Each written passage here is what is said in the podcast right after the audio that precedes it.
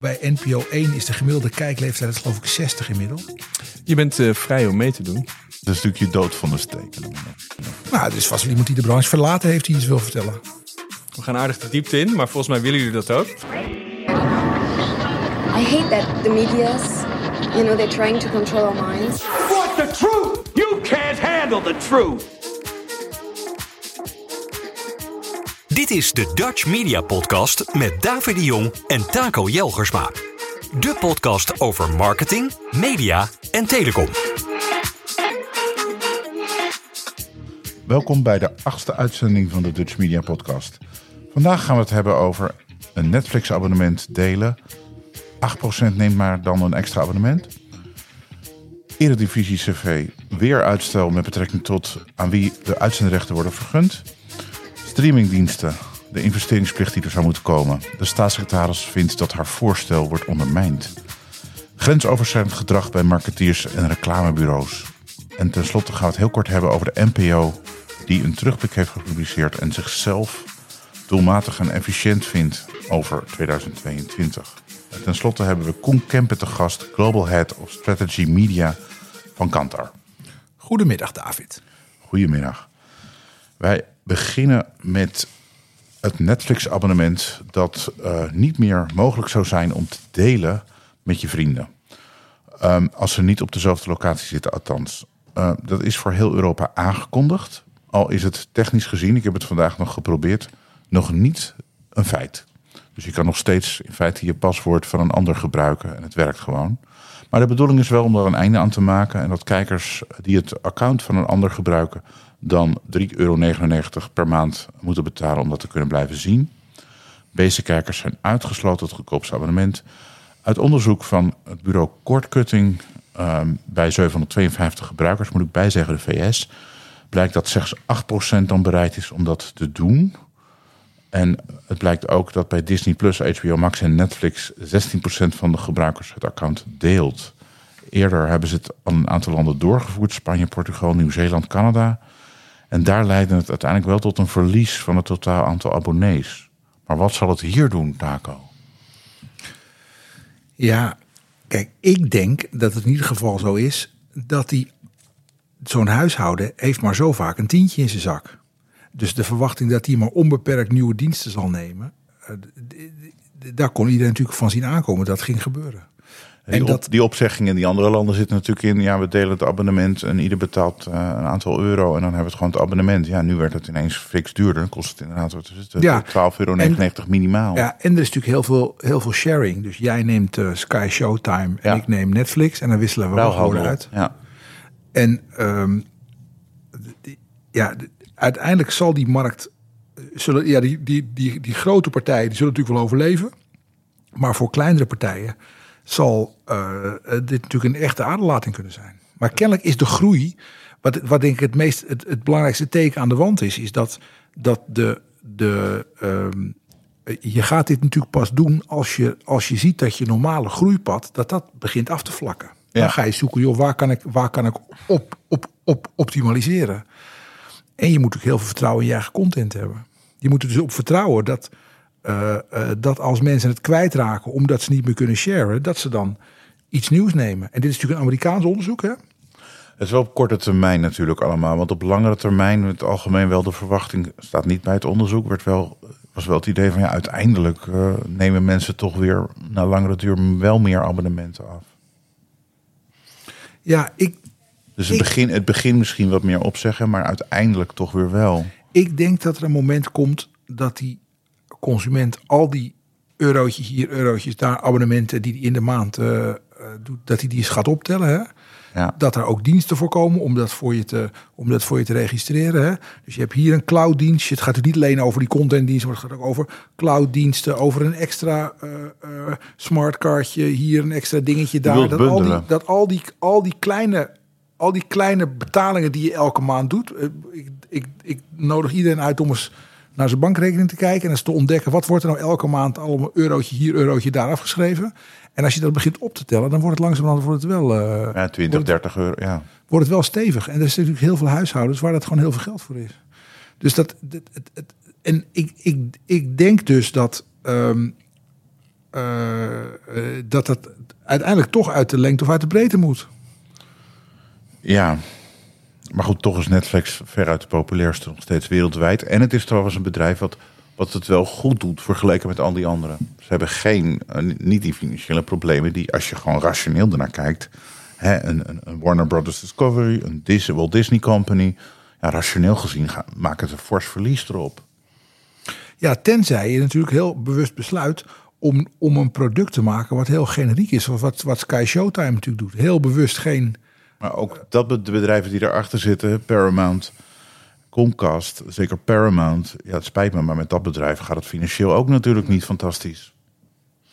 Maar zou jij het niet doen? Zou jij dit zou je, niet, zou je proberen om het niet te doen? Denk je dat Wat bedoel je niet doen? Nou, zou jij niet pro, pro, pro- proberen om dat prescription sharing, om dat... eh, Nou, je begint op in de voorkant. Netflix heeft een aantal jaar geleden zelfs reclame gemaakt. eh, sharing is caring. Ja, En dan schaf je het nu af. Ja, dat is marketingtechnisch niet slim.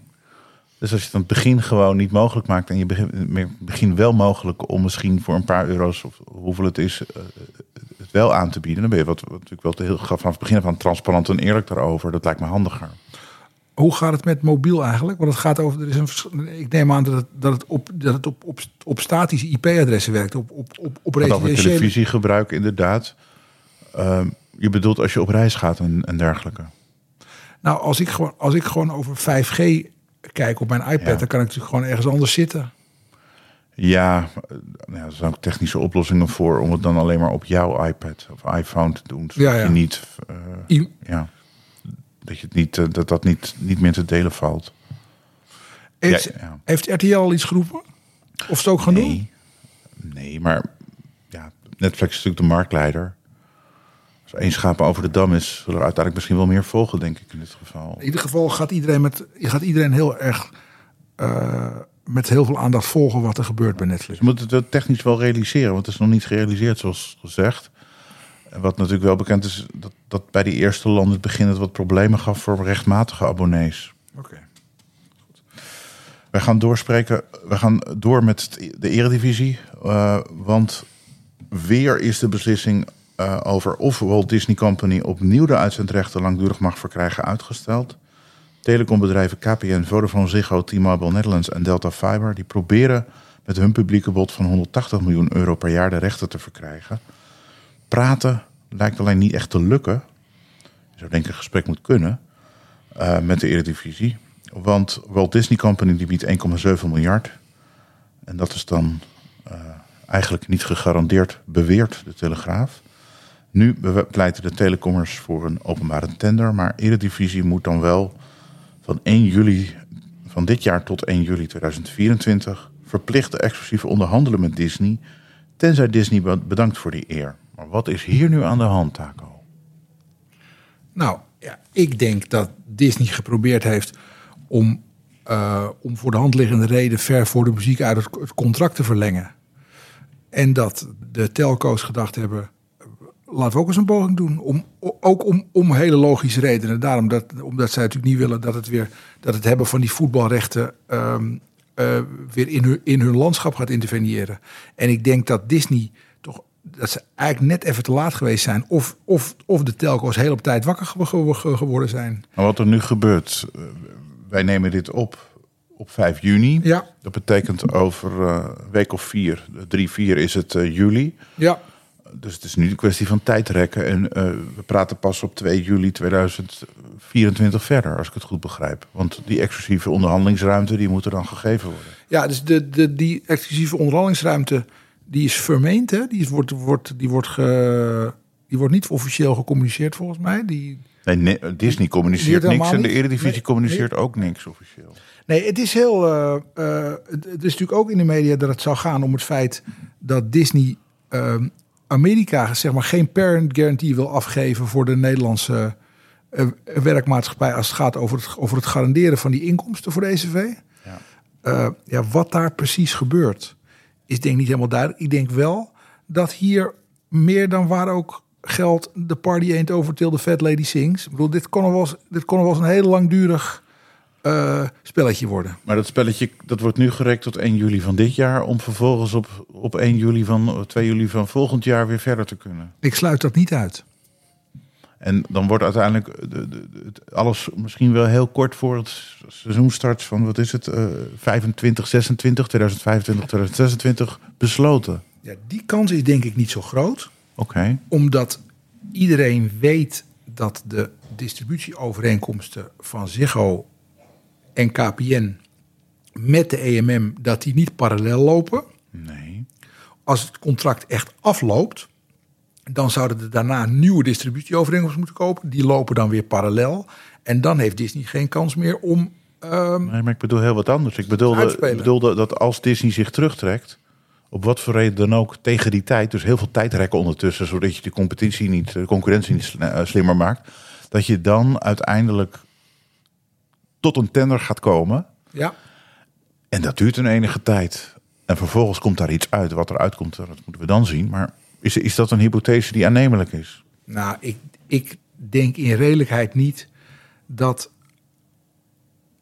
partijen dat hele jaar gaan uitrekken. Of zoveel eerder dat het gebeurt eh, als Disney en, en Eredivisie er niet uitkomen, zeggen. Nee, dat zou, dat zou natuurlijk. de- de- de- Dus jij verwacht niet dat Disney gaat jennen tot 1 juli 2024? Nee, dat denk ik niet. Ik denk dat je, als je zo'n onderneming bent, dan heb je gewoon, je hebt natuurlijk gewoon horizon nodig. En dat gaat over, dat gaat over, over je hele operatie. Want in, kijk, E ESPN in Nederland is natuurlijk gewoon het eredivisievoetbal. Ja. En, en al die andere producten, die hebben ze onder een soort totaalproduct om die zes kanalen te kunnen vullen. Maar Nee, Disney is meer, maar goed, oké. Nee, maar de, E ESPN in Nederland Ja, dat is, wel, is, ja. is, is, ECV. Ja. En, en alles wat daarbij zit, zitten er hele mooie producten bij. Maar die, die, die heb je nodig om, het, om, er, om, er, om er een totaalproduct van te maken. Maar de, als de ECV eh, wegvalt bij ESPN, Ja. dan houdt ESPN, houdt ESPN Nederland op, maar ze hoeven de concurrenten dan nog steeds niet slimmer te maken. Door ze, door ze gewoon te sarren door dan tot 1 juli 2024 te Ja, de vraag is natuurlijk een beetje of het concurrenten zijn. Maar wereldwijd wel. Ja, maar in, in, in de Nederlandse markt. Ik denk, ik denk dat er een kans bestaat dat als het te lang duurt, dat er in Amerika gewoon iemand, een of ander hulpje van Bob Iger, die, roept, die roept dan ja. dat gezeik in Nederland Ja. met die 7,5 miljoen huishoudentjes. Houd toch eens op, man. We hebben grotere problemen hier. Laten we gewoon laten we kijken of we ons, ons belang in EMM kunnen verkopen aan iemand. Of we de boel lekker eh, eh, van ons af kunnen duwen. Maar ik denk niet dat die. eh, Ik denk dat ze zich eerder dus eh, kunnen terugtrekken. Of een nieuwe deal. Een van de twee gewoon. Dan. Ja, of, of in de komende. eh, inderdaad, en dat kan, dat kan dan nog een jaar duren. Maar ik, ik, ik verwacht niet dat dat Maar het is zo natuurlijk wel zo dat zolang, slepen. zolang het 1 juli, als het 1 juli is geweest, dat de telecommers eigenlijk totaal buitenspel blijven totdat Disney wel of geen deal heeft. Ja, Dat maar natuurlijk- ik denk dat dat in de praktijk. Ik vergelijk het een beetje met als jij ergens bij, bij je baas weggaat en je hebt een concurrentiebeding of een relatiebeding. Ja. In de praktijk worden dingen natuurlijk wel vloeibaar. Je kan van alles afspreken. Dat contract is 10, 12 jaar geleden ge- ge- ge- gemaakt. Daar zijn kennelijk eh, zeg maar een soort. Daar zitten zeg maar wat end of contract eh, eh, terms, hobbels in. Ja. En ik sluit absoluut niet uit dat partijen daarover op enig moment tot elkaar komen. En dan kan het alsnog naar de telco's of alsnog naar Disney of naar, of naar, een Of naar wie dan of, naar iets heel nieuws. Ja. dat, dat onder druk wordt alles vloeibaar. En die druk die is er eigenlijk nog helemaal niet, want we zijn nog twee jaar voor het eind. Ik zou, eh, persoonlijke mening, ik zou het normaler vinden als er op enig moment daar toch een tender wordt ingezet. Want op deze manier, Nou, dat zou, dat zou, dat zou kunnen. Als part- partijen kunnen, Ja. natuurlijk, kunnen natuurlijk gezamenlijk besluiten om iets anders te doen dan in de overeenkomst tussen die twee partijen staat. We gaan het zien. De Dutch Media Podcast. Informatie en een mening met een bite. Wij gaan opnieuw praten over streamingdiensten. Want staatssecretaris Gunay Oesloe van D66... eh, ja, die heeft in feite in een debat van het, in de Tweede Kamer gesteld... dat een aantal eh, voorstellen tot wijzigingen... in feite haar plan om de Nederlandse films, series en documentaires... eh, om daarin te laten investeren, hè, de investeringsverplichting... haar plan, dat dat wordt, in feite wordt ondermijnd. Dat is een zwaar woord... Mag je wel zeggen. Want zij dult in feite op, eh, op het voor- wijzigingsvoorstel van Lucille Werner. In dit geval van het CDA. Eh, ook een bekende Nederlander trouwens. Ex-NPO-ster. Zij beoogt dat in feite van die investeringsverplichting niet langer eh, de gelden volledig voor culturele producties moeten worden ingezet. Maar ze wil gewoon dat de helft dan in feite wordt ingezet voor algemene Nederlandse producties. ja, mag worden ingezet. Ja. Ja, en, en dan blijft er effectief nog 2,5% over. En dat betekent dan in feite, het zijn de woorden van de staatssecretaris, ja, dat kan dan gewoon in reality of spelprogramma's gaan zitten. Ehm, en daarmee wordt de wet en het hele idee erachter minder effectief. Nou, toen werd er ineens eh, wat feller gedaan eh, eh, in de Tweede Kamer, waarbij bijvoorbeeld Martin Bosma zei dat niet alleen de wet, maar ook de staatssecretaris zelf wordt ondermijnd. Zowel PVV als PvdA en GroenLinks die betwijfelen dan ook nu het hele nut van deze wet als dit zo wordt uitgekleed. Kortom, het wetsvoorstel is misschien wel kapot onderhandeld. Even los van dat het commissariaat die geen toezicht houdt, maar alles gedoogt, Ja. alles toelaat. Maar de wet zelf, Ja, ik die is denk... niet meer kapot onderhandeld, of niet? Ja, kijk, als je... Dan hebben we het over de VVD, CDA, als ChristenUnie ja, en ik- D66 die daar verantwoordelijk voor zijn. Voor de goede orde. Ik denk dat je... ehm, kijk, ik betwijfel überhaupt of, het, of, die, of die wet noodzakelijk is. Dat is een ander verhaal. Hè, want als maar je- dan moet je terugtrekken. Ja, dan moet je precies, zeggen, exact, met politiek, exact. we doen het Ja. niet. Dus ik betwijfel of, of, of die noodzakelijk is. Eén ding is wel zeker. Als je ook nog eens een keer de helft van dat percentage mag uitgeven aan Love Island en, eh, en de Bachelorette. Ja, Of Lingo. Of, eh, Voor nou Michel Lin- Winner, Ja, Lingo ja. vind ik... Dat, dat, Maar dat is een grapje, Ik vind sorry, Lingo heel ja. mooi. En ik vond Tuurlijk. het echt... de- de- de- Nee, maar dat is een grapje van mij, de Lucille oké, we gaan, Werner, niet- we, gaan, ja. we gaan er niet, we gaan niet dieper op in. Ehm, ja, dit moet natuurlijk wel zeggen. Ja, waar is het nog effectief? Weet je, en, ja, en, ik- en kennelijk heeft, eh, heeft Lucille Werner in al haar wijsheid eh, zich toch een beetje laten belobbyen. Maar net zoals we wilden eigenlijk alles eh, liefst gewoon eronder laten vallen. Ook alle niet, gewoon 100 procent. Ja, ik, Ja. Ik, ik, zou, ik zou willen zeggen, joh, als je het dan simpel wil maken nu, zeg dan luister, je moet 3% van je omzet in het stimuleringsfonds storten. Daar hebben we gewoon een prima me me methodiek om geld te verdelen voor, voor producties die het wat moeilijker hebben om com- commercieel tot stand te komen, dan ben je er vanaf. Maar dan eerst 5% gaan doen en dan zeg jij, je hoeft maar 2,5% uit te geven het eigenlijk voor, voor bedoeld is. Ja. Ik begrijp wel dat iedereen dan zegt, ja, waar zijn we dan helemaal nog mee bezig? Dat slaat natuurlijk Maar helemaal dit is een puur politiek compromis. Dus met name overigens vergeet ik te zeggen, de VVD die zat er heel hard ook op dat ze dit niet zo wel wilden. En in de beschrijving in de Tweede Kamer werd heel duidelijk gezegd dat is eerst gespeeld via de minister van Economische Zaken, VVD'er Mickey Adriaansens. Ja, En vervolgens wordt het dan uiteindelijk, want het is blijkbaar onvoldoende gelukt. En vervolgens wordt het in de Tweede Kamer aangehouden, achterkamergesprekken, appverkeer. Ik weet het niet allemaal wat er allemaal gebeurd Ja, is. dus maar het is best over, wel, best eindeloos wel. over gesteld. Ja. Hè? Een, Ja. motie. Wilden ze niet praten gaan praten moties. erover, dan weer wel. Ja, Eh, ik, stemmingen die steeds werden gefrustreerd uitgesteld. ik, vind het, ik vind Het het is een vertoning. eh, ook tegen de achtergrond. Ook tegen de achtergrond van wat Sven Sauvé er altijd over zegt. Hè? Die had zegt, luister, niks doet het zo goed als Nederlandse content. Dus je hoeft je echt geen zorgen te maken dat wij dat, dat, wij dat niet, gaan, gaan, dat we dat niet gaan, gaan, gaan, gaan doen. Daarnaast hebben we natuurlijk een hele sterke eh, eh, pu, pu, publieke omroep in Nederland. Waar je echt niet van kan zeggen dat ze, dat ze geen goed drama maken. Weet ik veel, dat, dat is er allemaal. Dus Nou, jij vindt de hele wet overbodig. Dat, ik vind die ja. Ik, en, nou ja, maar het gaat daar, waar hebben we het vaker over gehad. Het gaat er meer. Het gaat niet om Videoland. Het gaat erom dat je met niet-Nederlands product Nederland. Dat, je daarmee dus, dus gaat overwoekeren met allemaal Amerikaans product. In feite, daar Ja. gaat het over. Hè? De Sky Showtimes, Ja, de Netflix, de, de, Ja, maar de er is- HBO Max met name bijvoorbeeld. Die dan alles, alle Europese producties schrapt. Sky Showtime die beloftes doet, maar niet uitvoert. Daar gaat het in feite om. Ja, maar ik denk die consument gaat dat toch be- be- bestraffen. Als we, als- ik denk. En het gaat erom de Nederlandse industrie te stimuleren daarin. Waar niet alleen de Nou, NPO een Videoland... Ja. Er zijn in Nederland meer onafhankelijke producenten per inwoner dan waar dan ook ter, ter wereld volgens mij. Die hebben het allemaal hartstikke druk. Ze hebben het niet die nodig, Kunnen geen, die kunnen geen, die kunnen geen, eh, kunnen geen eh, werknemers krijgen. Ik zou lekker nu, nu, nu, nu zodanig is uitgekleed. In het, ondermijnd is natuurlijk een beetje, het is natuurlijk wel, het is natuurlijk wel typ- typisch Martin eh, Bosma. Nou nee, het Omdat- staatssecretaris zelf begon erover. Ja, ja om, omdat het is natuurlijk wel mooi om te zeggen dat, eh, dat, eh, dat Werner Oesloe ondermijnt. Het is natuurlijk ook leuk, het is natuurlijk een beetje, een beetje stoken in de, beetje stoken in de coalitie. Maar ik zou zeggen, joh, nu we hier aangeland zijn, laten we het gewoon eerst eens twee jaar parkeren en eens kijken wat, de- wat de markt doet. Wat de volgende regering doet. Nou goed, we verschillen een keertje van mening. Officieel persbericht of gewoon iets te klagen of te lekken? Post at dutchmediapodcast.nl We gaan het over het grensoverschrijdend gedrag bij marketeers en reclamebureaus hebben. Ja, Komt een beetje uit mijn koker, moet ik bekennen. een Nou, beetje helemaal uit jouw Ja. koker. Er is heel veel te doen in de maatschappij over grensoverschrijdend gedrag. Ja, En nou ja, goed, je hebt, je hebt marketeers bij bedrijven die dus eh, reclamebureaus inhuren. En ik merkte in mijn werk gewoon op een gegeven moment, er is iets aan de hand. Grote merken met veel budget, die eh, op een gegeven moment ook in mijn richting best wel eh, brutaal waren als journalist, zou ik maar zeggen. Dat ik dacht van, wacht even, ik ben niet in jouw dienst, ik heb geen contract met jou of, eh, of wat dan ook. Maar jij wil dan exact voor mij gaan bepalen hoe ik een artikel maak, terwijl ik gewoon alleen maar heb over feiten van een bedrijf. En vervolgens spreek je dan een reclamebureau. En spreek je nog een reclamebureau en nog een reclamebureau. En dan hoor ik eigenlijk van allemaal, on the record natuurlijk niet, maar hoor ik wel off the record. ja. Ja, er is wel wat aan de hand af en toe. Dat we echt opdrachtgevers hebben die, die, die, die gewoon zo onhandelbaar met ons omgaan.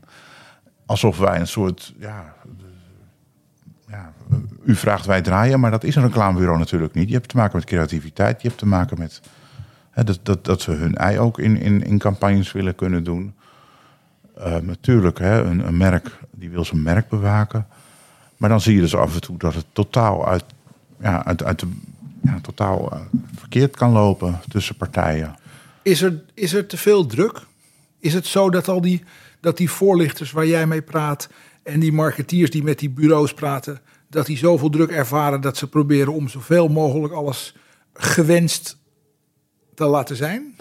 Even die journalistieke losgelaten, want dit is een enkel keer gebeurd. En ik ben vervolgens hè, binnen de reclamemarkt gaan vragen hoe dat bij reclamebureaus Ja. aankomt.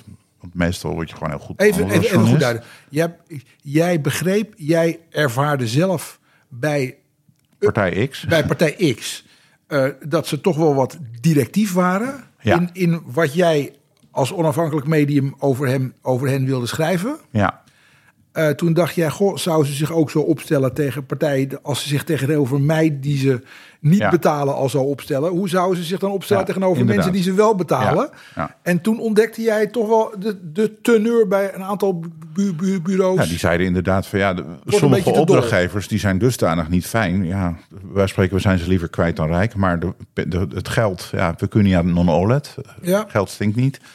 Ja, de, dus soms kunnen ze niet zonder. En dan moeten ze dus wel eh, werken met dit soort ja, mensen. Zijn eigenlijk mensen. Maar waar komt die... Zit dat... er is meer druk dan er ooit was.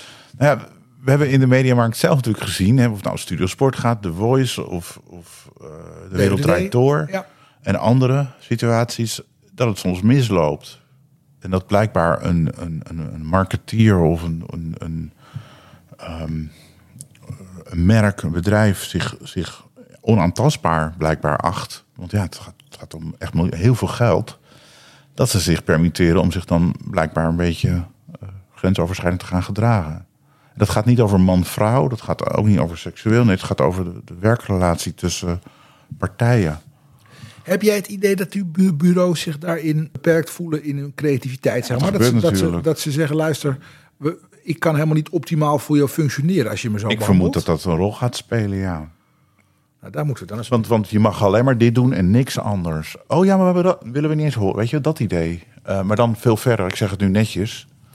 Maar dat bedoel je eigenlijk dat, die, dat, dat, dat senior marketeers bij grote merken creatieven bij bureaus gebruiken als een soort stafafdeling die Ja. gewoon moet uitvoeren in plaats Klopt. van dat ze als dat, ze, dat, je, dat, ze, dat er goed gebruik gemaakt wordt van hun expertise. Die ze natuurlijk in een, waar ze natuurlijk een bepaald soort vrijheid voor nodig En- hebben om die Ja, te inderdaad. kunnen laten floreren. In hun persberichten hebben ze het altijd over samenwerkingen en partners van elkaar zijn. Dat is de buitenkant. Maar in werkelijkheid is dat soms heel anders. Dus het idee van ik betaal, dus ik bepaal 100% hoe jij moet werken. Eh, Maar zo zit gelukkig de, de normale wereld niet in elkaar. En ik denk wel dat, dat dit niet overal voorkomt. Maar, maar dat, dat het me wel is opgevallen dat het, bijna elk reclamebureau dat ik spreek... dat off the record wel bevestigt. En dat vind ik, dan denk ik, weet je, er is toch wat meer aan de hand. Goed. Wordt vervolgd, denk ik, David. Wij zoeken dus eigenlijk iemand die enorm uit de school wil klappen over hoe die als creatief bij een reclamebureau behandeld is door een merk. Waar hij zich echt beperkt voelde in zijn. En dan met, dat zou het leukste zijn als iemand dus die ook nog wil uitleggen. Joh, ik heb voor merk X of Y die en die campagne bedacht. En die hebben ze gewoon Ik ben benieuwd afgeschoten. of, of, of ze zich daadwerkelijk durven melden, want het is natuurlijk je dood van de steken. Nou, er is vast wel iemand die de branche verlaten heeft die iets wil vertellen. Dat zou kunnen, maar goed. De Dutch Media Podcast. Post at dutchmediapodcast.nl Wij gaan door over de NPO. Die vindt zichzelf doelmatig en efficiënt. Eh, de terugblik over 2022 is uitgekomen van de Nederlandse publieke omroep. Hoge waarderingscijfers, een 8,3. En ze spreken vol waardering over de maatschappelijke impact en de maatschappelijke waardes die ze toevoegen voor Nederland.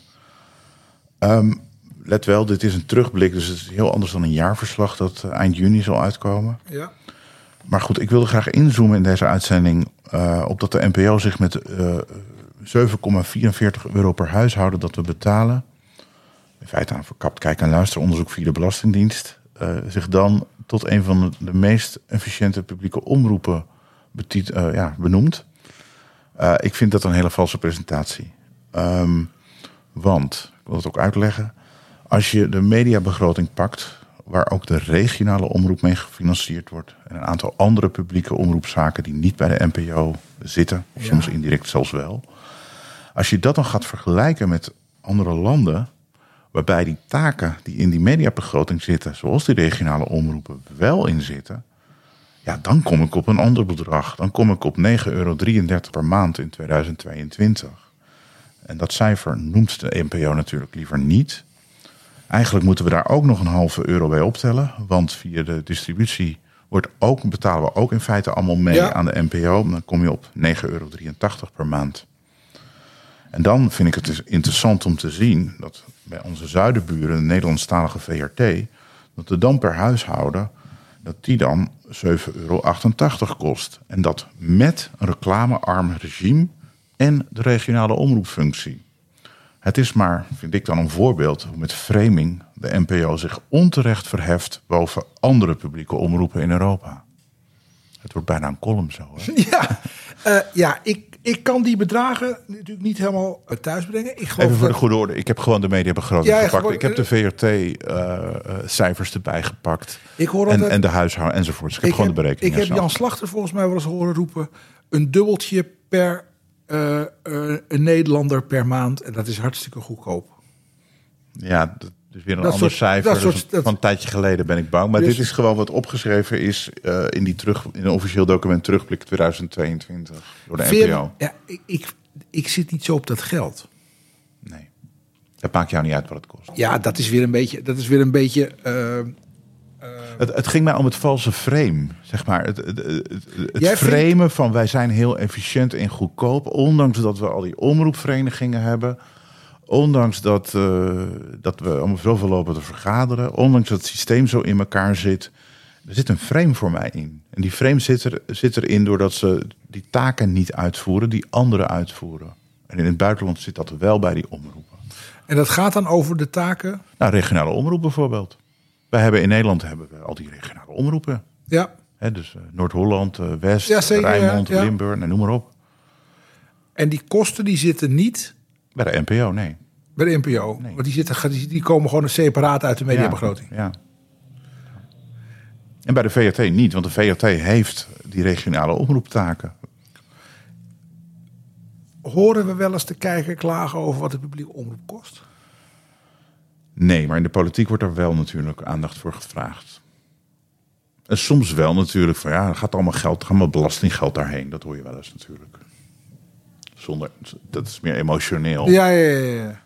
Maar, denk maar jij denkt dus dat ze heel bewust proberen het te etaleren dat ze een hele, Goedkope, hele, hele, efficiënte, hele, betaalbare, Tuurlijk, efficiënte organisatie zijn. Doen ze al en de jaren. waardering is natuurlijk wel enorm hoog. Hè? De waardering is, is, is, is, is, is, hoger dan de, eh, dan, de, dan, dan de wetgever vraagt.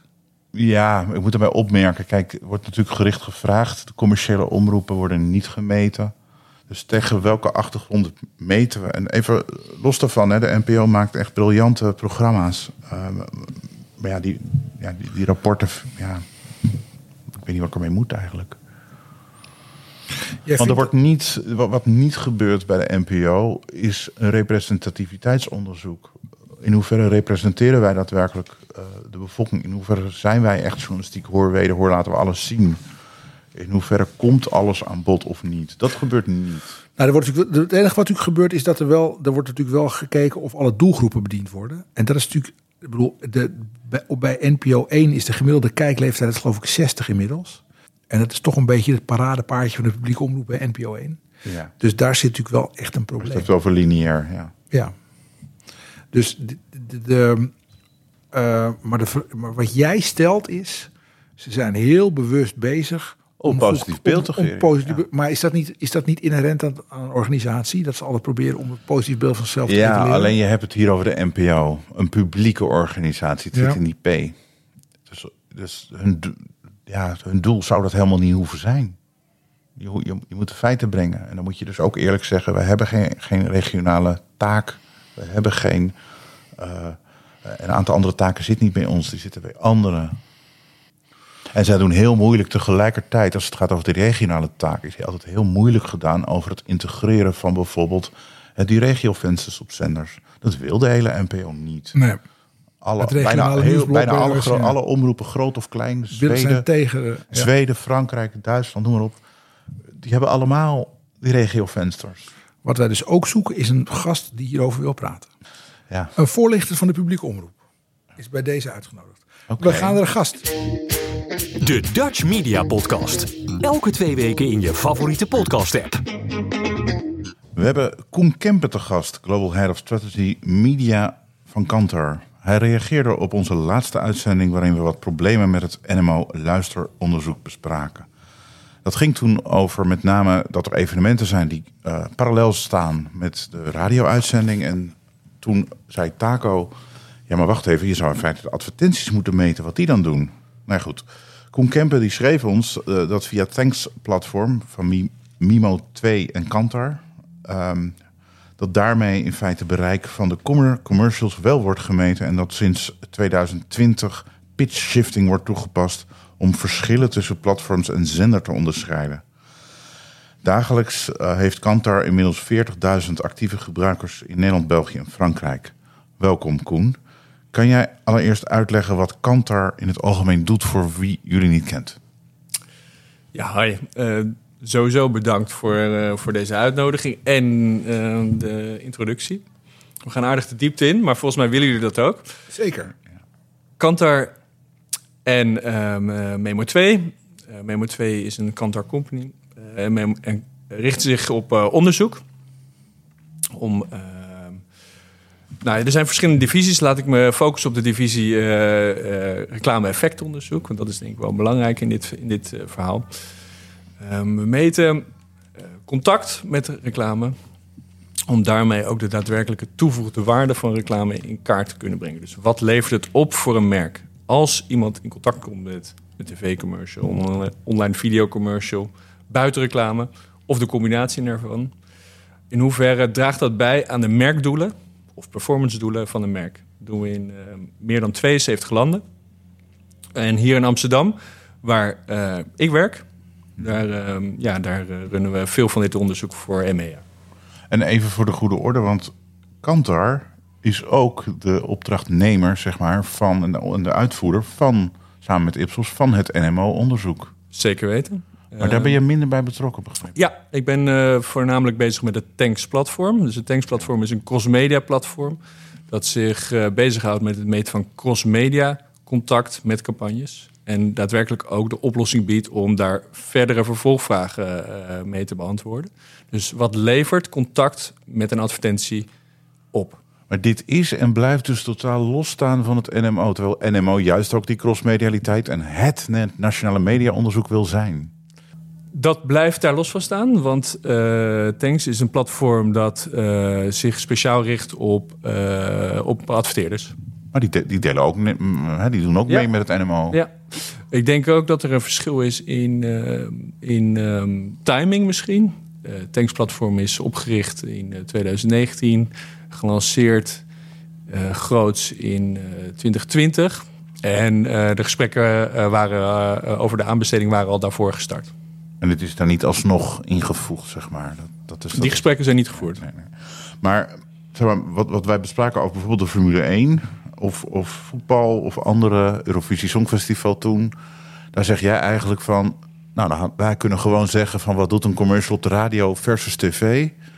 Ehm, Ja, wat- waar, waar wij dagelijks mee te maken komen, en dat was al in je introductie kwam het even ter sprake. Dat, heet, dat noemen wij pitch shifting. ja, We komen eh, in contact met adverteerders of merken eh, die een commercial hebben, die ze op televisie hebben, maar ook eh, in hetzelfde format, hetzelfde aantal seconden, dezelfde geluidsstructuur, die ze inzetten op YouTube of op Amazon Twitch of op een, ehm, een ander kanaal. ja, En dan is de vraag natuurlijk, ehm, ja, is de, als ik met audio recognition werk, en dat is dus in ieder geval waar het Tanksplatform mee werkt. Ik weet niet of jullie het nog volgen, maar anders moet je ja hoor, zeker. Dat, Audio recognition. Dus er wordt een audiobestand uitgezonden. En de app die wij dus eh, eh, aanbieden, die registreert contact met die betreffende ad. En als er twee precies dezelfde ads worden uitgezonden, dan zou je dus eigenlijk twee keer eh, tellen of dubbel tellen, of niet kunnen zien welk platform die betreffende ad uitzendt. En dan gebruiken wij een methode van pitch shifting. We vragen eh, de ads van voorafgaande ehm, publicatie of voorafgaande uitzending op. En verhogen de pitch met 5 of 10 cents betreffende het aantal eh, netwerken. Waardoor de Tanks applicatie het verschil wel registreert, maar het menselijk oor niet. ja. En daarmee kunnen wij het onderscheid maken waar kwam die exposure vandaan. Kwam die van YouTube of van televisie? En deze techniek, de, je collega's voor NMO doen dat niet, blijkbaar. Ik denk dat dat niet wordt gedaan. Omdat wij heel duidelijk eh voorafgaande campagne ehm, ehm, extra handelingen eh, uitvoeren voor de klanten die met het Tanks-platform werken. Ehm, maar in feite, ik bedoel, om even, want als je dus adverteerder bent, dan zou het af, natuurlijk van de afspraken met, die je maakt, maar, maar misschien veel interessanter zijn om dit te gebruiken voor de effectiviteit en, de doelstelling en bereik die je wil, wil weten van je campagnes. En heb je heel NMO niet nodig, of vergis ik me dan? Dat laat ik ga aan hem de adverteerder zelf. zo- Maar er zo zijn, meer dan, eh, er zijn meer dan eh 100 klanten die met het Tanks-platform werken. Waarom is er niet gewoon, zeg maar, te- ten tijde van het, al die gesprekken die over het NMO gevoerd zijn, gewoon per media besloten om iets mee te sturen op basis waarvan je het, het, de, de, de broadcaster kan herkennen, zal ik maar zeggen. Dat zou toch veel eenvoudiger maken. Want nu is het zo dat als ik, een, als ik klant bij jou wil worden, eh, ga ik eerst naar een eh, mooi bu- bureau. Die maken een com- commercial, die wordt geproduceerd. Die gaat dan eerst via jullie en gaat via jullie dan naar 538, eh eh NPO 2, de Ja, ster. Dat is, eh, op dit moment de gang langs. Ja. Terwijl als je gewoon aan de, terwijl als je zeg maar even aan de uitzendstraatkant eh, eh, gewoon iets zou toevoegen, al, als, Ja. al- als 538 een ander toontje mee, mee, mee een ander onhoorbaar toontje mee zou sturen. Eh, eh, dan daar kun je natuurlijk gewoon, eh, kun je gewoon afspraken over maken. Zoals er in de retail ook afspraken over barcodes zijn. Er zijn geen twee producten met, met dezelfde barcodes. Dat is om, dus een soort gen, generiek systeem. Dat zou voor jullie natuurlijk minder interessant zijn, omdat iedereen, er, iedereen ermee kan, mee zou kunnen werken. Hè? Dan kan theoretisch kan, kan iedereen dat toontje herke- her- herkennen als het er is. Maar het zou natuurlijk veel eenvoudiger zijn. Is daar nooit over gesproken? Ehm, nou, sowieso denk ik dat het crossmediaal meten echt een complexe, eh, complexe zaak is. En hier is hier vast over nagedacht. Ehm, en vanuit ons perspectief, van de manier van meten... want wij meten televisie ook met deze audio content recognition... en online video ook. Dus vanuit ons perspectief zou dat een hele goede toevoeging zijn. Eh, de manier van meten, dus een audiosignaal meegeven... dat maakt het voor ons heel goed te achterhalen waar eh, iemand naar kijkt of waar iemand naar luistert. Ja, Nou, wat we weten is natuurlijk dat het, dat het in theorie wel al bij 18 radiostations, als we het over radio hebben, dat is al geïntroduceerd, Nou, gebeurt. misschien- Maar het wordt nog niet echt toegepast door de NMO dan. Het zou wel dus misschien gebeuren. ook nog een, een toevoeging die, eh, die misschien ook wel relevant is. Waarom wij het vanuit eh, commercial perspectief aanpassen. Zeker. Omdat wij eh, eigenlijk loswerken van de medewerking van platformen of publishers. Dus op het moment dat Spotify ook onderdeel moet uitmaken van de meting, of YouTube of Meta of Twitch, die misschien niet zijn aangesloten bij eh, de NMO. Dan kunnen wij dat wel meten, omdat er advertenties worden uitgezonden die wij kunnen registreren en kunnen terugkoppelen aan een betreffend platform. En dat die is zijn misschien dat wel platform- belangrijk om het eh, volledige beeld te kunnen meten. Zonder dat het platform het weet, zit hij er al in in feite dan. En dat hoeft de platform verder ook niet. Daar, Die kan hem er niet meer uitfilteren in feite. het is Ja. eh, vrij aan de adverteerder. ja. En zijn er, ook, zijn er ook eisen aan hoe er uitgespeeld wordt? Want ik zou me kunnen voorstellen dat als mensen radio gaan zitten luisteren over hele lage bandbreedte bijvoorbeeld, dat, dat, dat, dat, dat je dan tegen een technisch probleem aanloopt. Maar kennelijk is het zodanig dat je het altijd kan herkennen, ook als het audio-kwaliteit verhoudingsgewijs laag is. In principe werkt het zo, of is getest, dat als jouw telefoon in je broekzak zit, of in ieder geval hoe jouw menselijk oor het, eh, het registreert, zo Ja. registreert de app het ook. Ehm, en wij zijn wel uitgegaan van verschillende kwaliteitsvormen. dus eh, vanuit eh, streamen vanuit de telefoon of van DHB Plus of in de auto. Ja. Dat is getest. En jij zegt, wij, jullie hebben 100 adverteerders die dat, Ja, meer dan 100. Ja. meer dan 100 adverteerders die dat doen. Ja. En wat zou een reden zijn voor de adverteerder om het eventueel niet te doen? Is, is dat kosten of is het niet geïnteresseerd in de data? Of is het, wat is de... Ja, ik denk want- dat reclame-effectenonderzoek is, een, is, is iets kostbaars. Dat is absoluut. Dus het is niet eh, eh, dat wij zomaar iedere week eh, de cijfers delen met de markt. Dus dat zijn cijfers die specifiek voor onze opdrachtgevers ter beschikking worden gesteld. En het is ook natuurlijk meer maatwerk. Het is meer een maatwerkoplossing dan een oplossing voor de hele markt. Eh, waarom je het niet kunt doen, is dat je wellicht een andere manier van crossmediaal effectonderzoek aanhoudt. Dat kan. Ehm, of dat je helemaal geen effectonderzoek doet. Dus helemaal niet verder kijkt dan van eh, eh, wat leveren impressies of GRP's mij op. Dat zou ook nog kunnen. Dat is een beetje ouderwets toch? Ik denk dat de, de merken die echt met media het verschil willen maken... of willen groeien op hun merk of op hun performance... de, zeker wel een cross-media effectonderzoek ehm, uitvoeren of daarmee testen. Dus heb je over alle grote partijen als, als Albert Heijn, als Jumbo, als Unilever nou ja, enzovoorts. Die, die doen dit. Of mag je geen klantnamen noemen? Nou, er zijn heel veel klantnamen ook bekend. En, eh, maar de, ja, een aantal van deze zitten er zeker bij. Ja. Maar en het is internationaal, dus dat is misschien ook goed om te beseffen. Wij doen dit nu in Frankrijk, eh, België, Noord, België, Zuid en Nederland. Ja. En er zijn hele concrete plannen om het dit jaar eh, naar andere landen in Europa verder uit te rollen. Dus de deals die jullie maken zijn ook niet alleen maar Nederlands. Klopt. Maar, ja.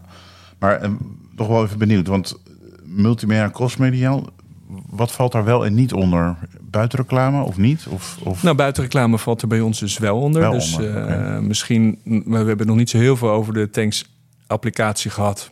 Mm, en eh ik wil er ook niet een reclamepraatje van maken, maar goed, ik ben hier toch. Ja. Eh, maar van alle gebruikers wordt ook een verplaatsingsgedrag gemeten. En dit is wel single source. Dus voor televisie, voor radio, maar ook voor buitenreclame wordt alles in dezelfde app geregistreerd. geregistreerd. Dus het werkt echt single source. En het is niet een gecombineerde dataset.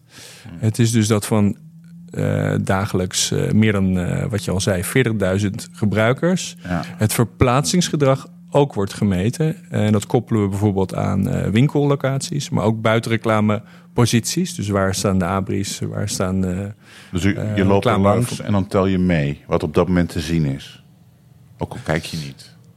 Eh, ja, het gaat inderdaad om mogelijk eh, een opportunity to see, eh, maar dan wel echt eh, van echte passanten. Oké. Ja, we kunnen de ogen nog niet registreren. Maar je, maar het is wel zo dat wanneer je langs een eh, buitenreclamepositie loopt, eh, en wij weten dan ook van de betreffende buitenreclame-exploitant welke advertentie op dat moment zichtbaar was. En hetzelfde geldt ook voor digitaal, dus op secondenniveau is dat ook te registreren. Dan weten we van de doelgroep wie passeert. Ja. En met, en met welk eh, outdoor object zij in contact zijn geweest. En idem, zeg maar, als je op Instagram op je mobieltje kijkt, op je computer kijkt, eh, al die dingen worden allemaal meegenomen. Als er ehm, audio-advertenties eh, worden weergegeven, dan wordt audio content recognition eh, aangezet en eh, in werking gesteld voor de eh, advertenties en voor de merken voor wie wij werken. En dat is allemaal dus onder dezelfde Moet met audio userbase. zijn, dus zonder audio niet.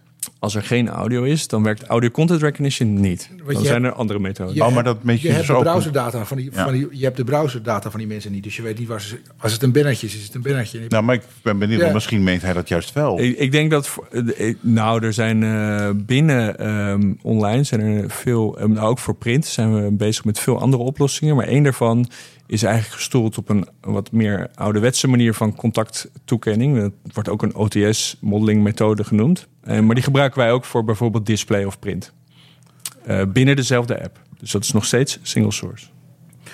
Zie jij wel eens een adverteerder iets beweren over zijn campagne waarvan jij denkt, we hebben een vergelijkbaar merk die wel klant bij ons is. En deze mensen hebben echt geen idee wat er echt gebeurt. Ehm, moet ik natuurlijk voorzichtig zijn met beantwoorden. Ja, ja, Ehm, Nee, maar ik, ik, ik kan, ik kan Ja, ja, ja, dat, ik- dat, ik, dat jullie ehm, merken bellen en zeggen, luister, jullie zijn geen, geen, geen klant bij ons, maar wij zien dit en dit. Eh, eh, kun je dat ook zien? Heb je een heel ander beeld? Nou, ik ga niet per se bellen, maar wat ik wel, eh, waar ik wel een mening over heb, is de methode van goed reclame-effectonderzoek doen. Dus wij steken veel tijd, maar ook geld en energie in het goed registreren van exposure met, met media. En het, eh, wat, we, wat, wat ik wel eens tegenkom in reclame-effectonderzoek, dus dat ehm, er weinig of geen tijd wordt gestoken in die methode, maar men puur afgaat op de herinnering van ehm, een doelgroep.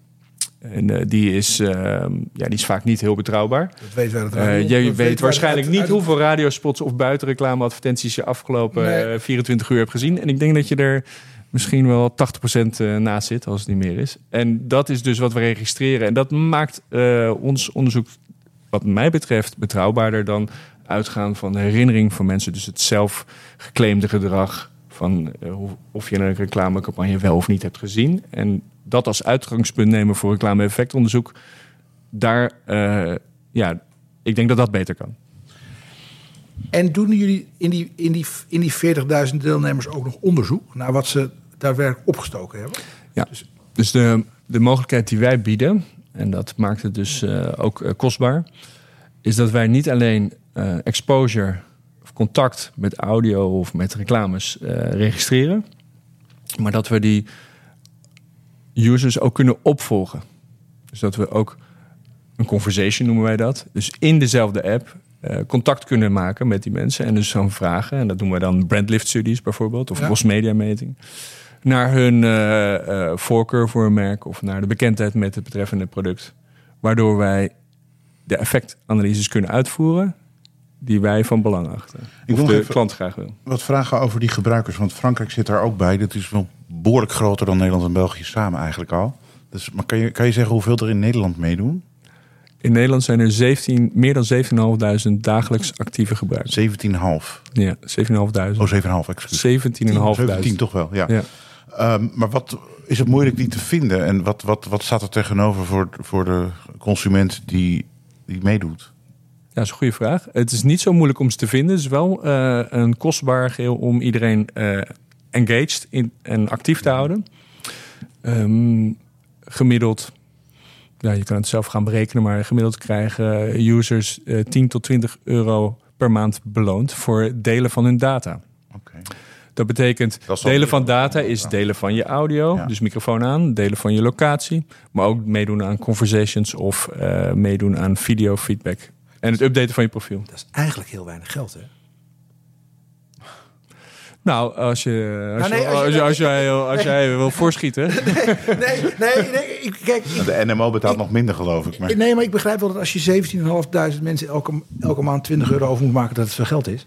Maar als je, als je kijkt naar ehm, eh, de discussies die er zijn over privacy, over in, de, in, de, in het NMO-onderzoek hebben we natuurlijk gezien dat er mensen zijn die klagen over het batterijgebruik in hun telefoon. En weet ik, veel, wat, wat, je, wat je opgeeft, zeg maar, als, als, ehm, eh, Burger, ja. als, als, als, als burger, zegt David Hilswaar, is natuurlijk best serieus.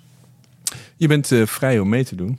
Ja, nee, dit is geen. nee, Je, je kunt natuurlijk ook gewoon eh, stoppen met de deelname. Eh, voor ons is het van belang dat een representatief deel van de Nederlandse of de Franse Ja. populatie meedoet Ja, eh, aan het onderzoek. Dus daar probeer je ook op te belonen. Eh, die beloning die kun je dus omzetten in de giftshop in de app zelf. En dan eh, kun je, Oh, het is de- niet echt geld. je- het geld kun je direct uitgeven bij een eh, Spotify of bol.com of. Amazon. Zijn- Indirect krijg je een code voor een, eh, Oh, voor een webshop. Het is niet op En je daarmee, rekening. nee, het is niet op rekening, maar goed, het is wel. eh, De waarde, Waarde. krijgen. Ja. En betekent dat ook dat, je, dat die, die beloning maakt dat er een, dat er een soort. ehm, dat er een soort lagune in je doelgroep ontstaat. Omdat de NMO had er last van. Eh, bij- Voor de, er wordt ook uitgesteld het luisteronderzoek. Want en nog steeds wordt er beweerd... ja, we niet goed genoeg representatief zeggen. B2B bijvoorbeeld, eh, die doelgroepen. Maar hoe is dat bij jullie? er zijn twee vragen. Ja, Eh, ik denk dat bij onderzoek, maar dat hebben jullie misschien ook met luisteraars, je probeert altijd een zo groot mogelijk aandeel van je doelgroep te bedienen. En wij proberen met onderzoek altijd een representatief beeld van de populatie van een land waar we actief zijn te waarborgen. Dus er is continu werving van bepaalde doelgroepen die ondervertegenwoordigd raken. Eh, en die werving die kost ook ons veel geld. ja, een veel grotere groep mensen die deelneemt dan, dan NMO, als ik het goed begrijp. ook. En dat klopt. Ja. Ja, we zijn ook bewust? langer bezig. En dat is ook zeker bewust. Want wij hebben dus de mogelijkheid. eh, nou, de vergelijking is denk ik enigszins. Wij gebruiken het ook voor, wat ik al zei, eh vervolg-effectonderzoek. Dus niet Ja. alleen voor het meten van bereik. Maar eigenlijk heb jij controledata voor het NMO. Ehm, ja, zo zou, je het, eh, zo zou je het kunnen noemen. Zelf zien we het niet zo. Want ik zie het meer dat wij een ander doel eh, eh, van, eh, van Ja, nee, binnen, binnen het werkveld Ja, beantwoorden. nee maar zou het niet, zou het niet logisch zijn? Ja, ik probeer geen nieuw businessmodel voor je te bedenken, maar dat is mijn, dat is mijn, mijn plaats niet. Maar je zou eigenlijk zeggen dat je, dat je met die data die jullie hebben heel goed kunt controleren. Dus, of misschien wel dat je elkaars eh, eh, data kunt controleren. Dat je kunt zeggen, joh, op, op, op, in bepaalde. Dus er, zou toch, er zou toch een zekere lijn in moeten zitten in wat zij meten en wat jullie meten. Het, het, het, kan niet allebei, het, het, het kan niet verschillend zijn en allebei waar. Zeg ik maar even heel kort door de bocht. In veel eh reclame-effectonderzoeken worden, de- worden beide cijfers naast elkaar gelegd door, door klanten en bureaus. Ja. En jullie, dat doen, jullie doen dat niet voor je klanten. Het is niet zo dat jullie, dat jullie die, die NMO ook nog inkopen en dan tegen je klant zeggen: luister. Nee, nee. Nou, niet inkopen, ze hebben ze al. Ja, ja, nee, maar Het is, het is eh, inderdaad beschikbaar, ja. Maar dat doen we niet. Nee. is dat een bewuste keuze? Ja, wij eh, zitten toch op, eh, veel meer op die advertentie. En veel minder op het eh, zenderbereik of op het... eh, en je zou op een kwartier nu natuurlijk wel kunnen checken van... hey, Ja. klopt het dan met elkaar? Dat zou kunnen, maar omdat wij op de advertentie zitten, dus op de Ja, we gaan... advertentie specifiek, verwachten we toch dat we altijd wel een andere, eh, of een, ja, wij gaan ervan uit een iets nauwkeurige contacttoekenning van advertenties meten en Het wordt ook registreren. niet gebruikt voor auditdoeleinden of zo. Absoluut voor niet. elkaars onderzoek. Nee. bij NMO komt er geloof ik nog een soort van audit. Maar als ik dus noem eens een radiostation dat klaagt over ze, die die zegt dat de cijfers niet klopt.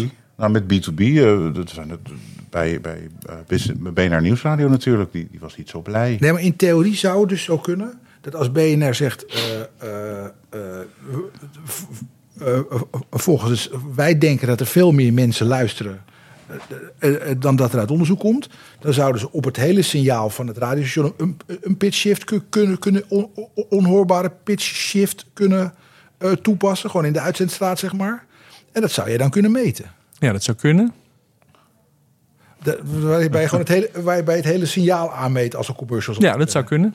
Dat doen we ook bijvoorbeeld voor eh, Netflix. Dus eh, de tune van Netflix. Die is eh, net lang genoeg om voor ons ook te registreren. Dus op die manier meten we eigenlijk ook cross-device en cross-huishouden het bereik en de opens van Netflix.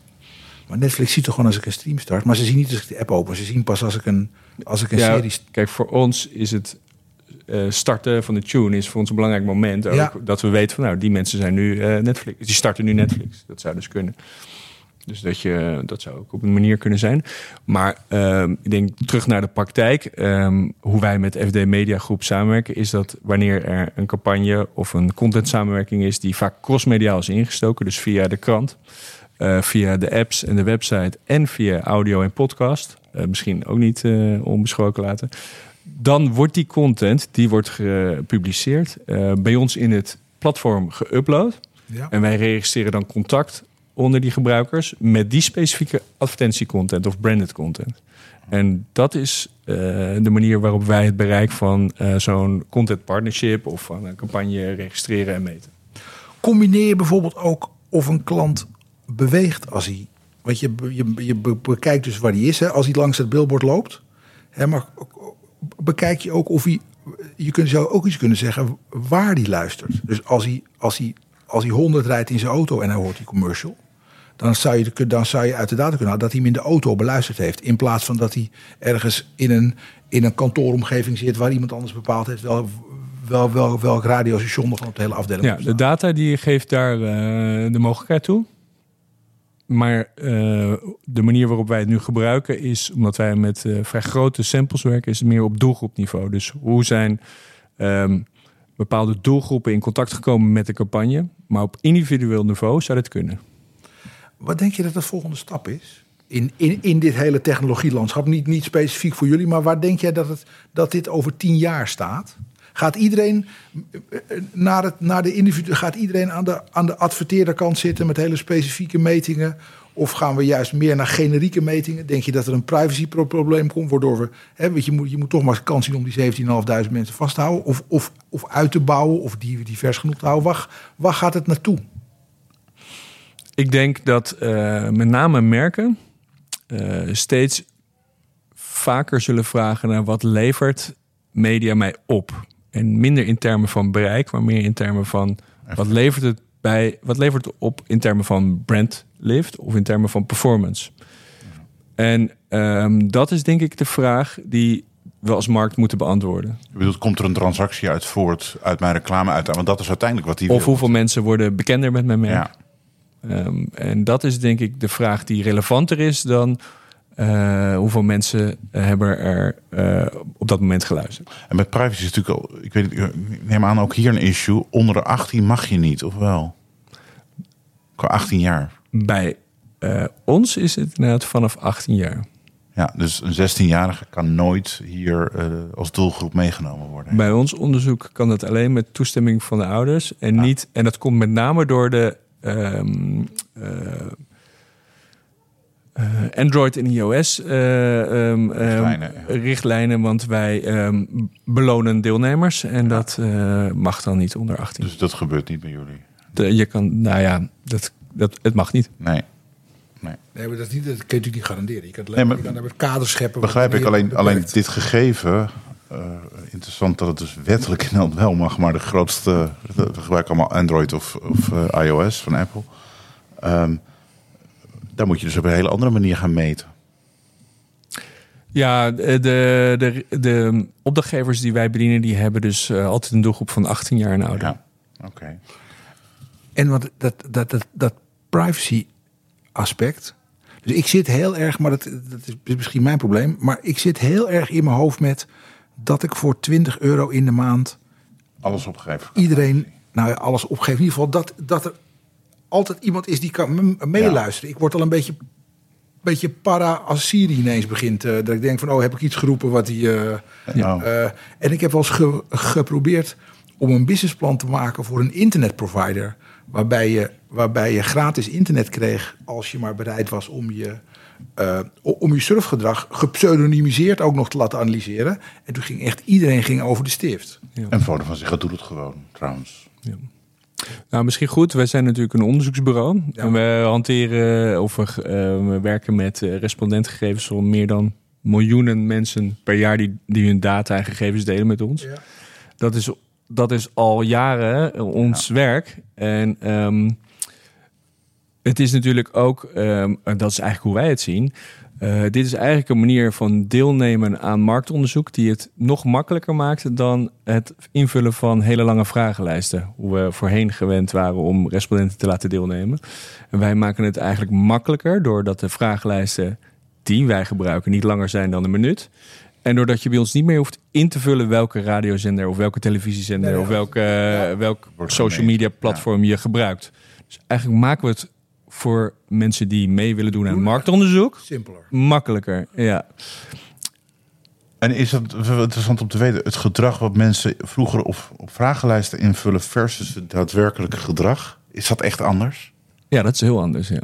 ja. Omdat eh daar ligt ook een beetje aan de vragen die je stelt. Want sommige dingen kun je jezelf kun je gewoon niet meer herinneren of kun je niet meer goed reproduceren. Het Dus de geheugen. vraag van eh, eh, wat we net al even aanhaalden. ehm, hoeveel buitenreclame advertenties heb je afgelopen week gezien? Nou, dat kun je niet eh, verwerken, kun je niet bijhouden, kun je dus ook niet goed reproduceren.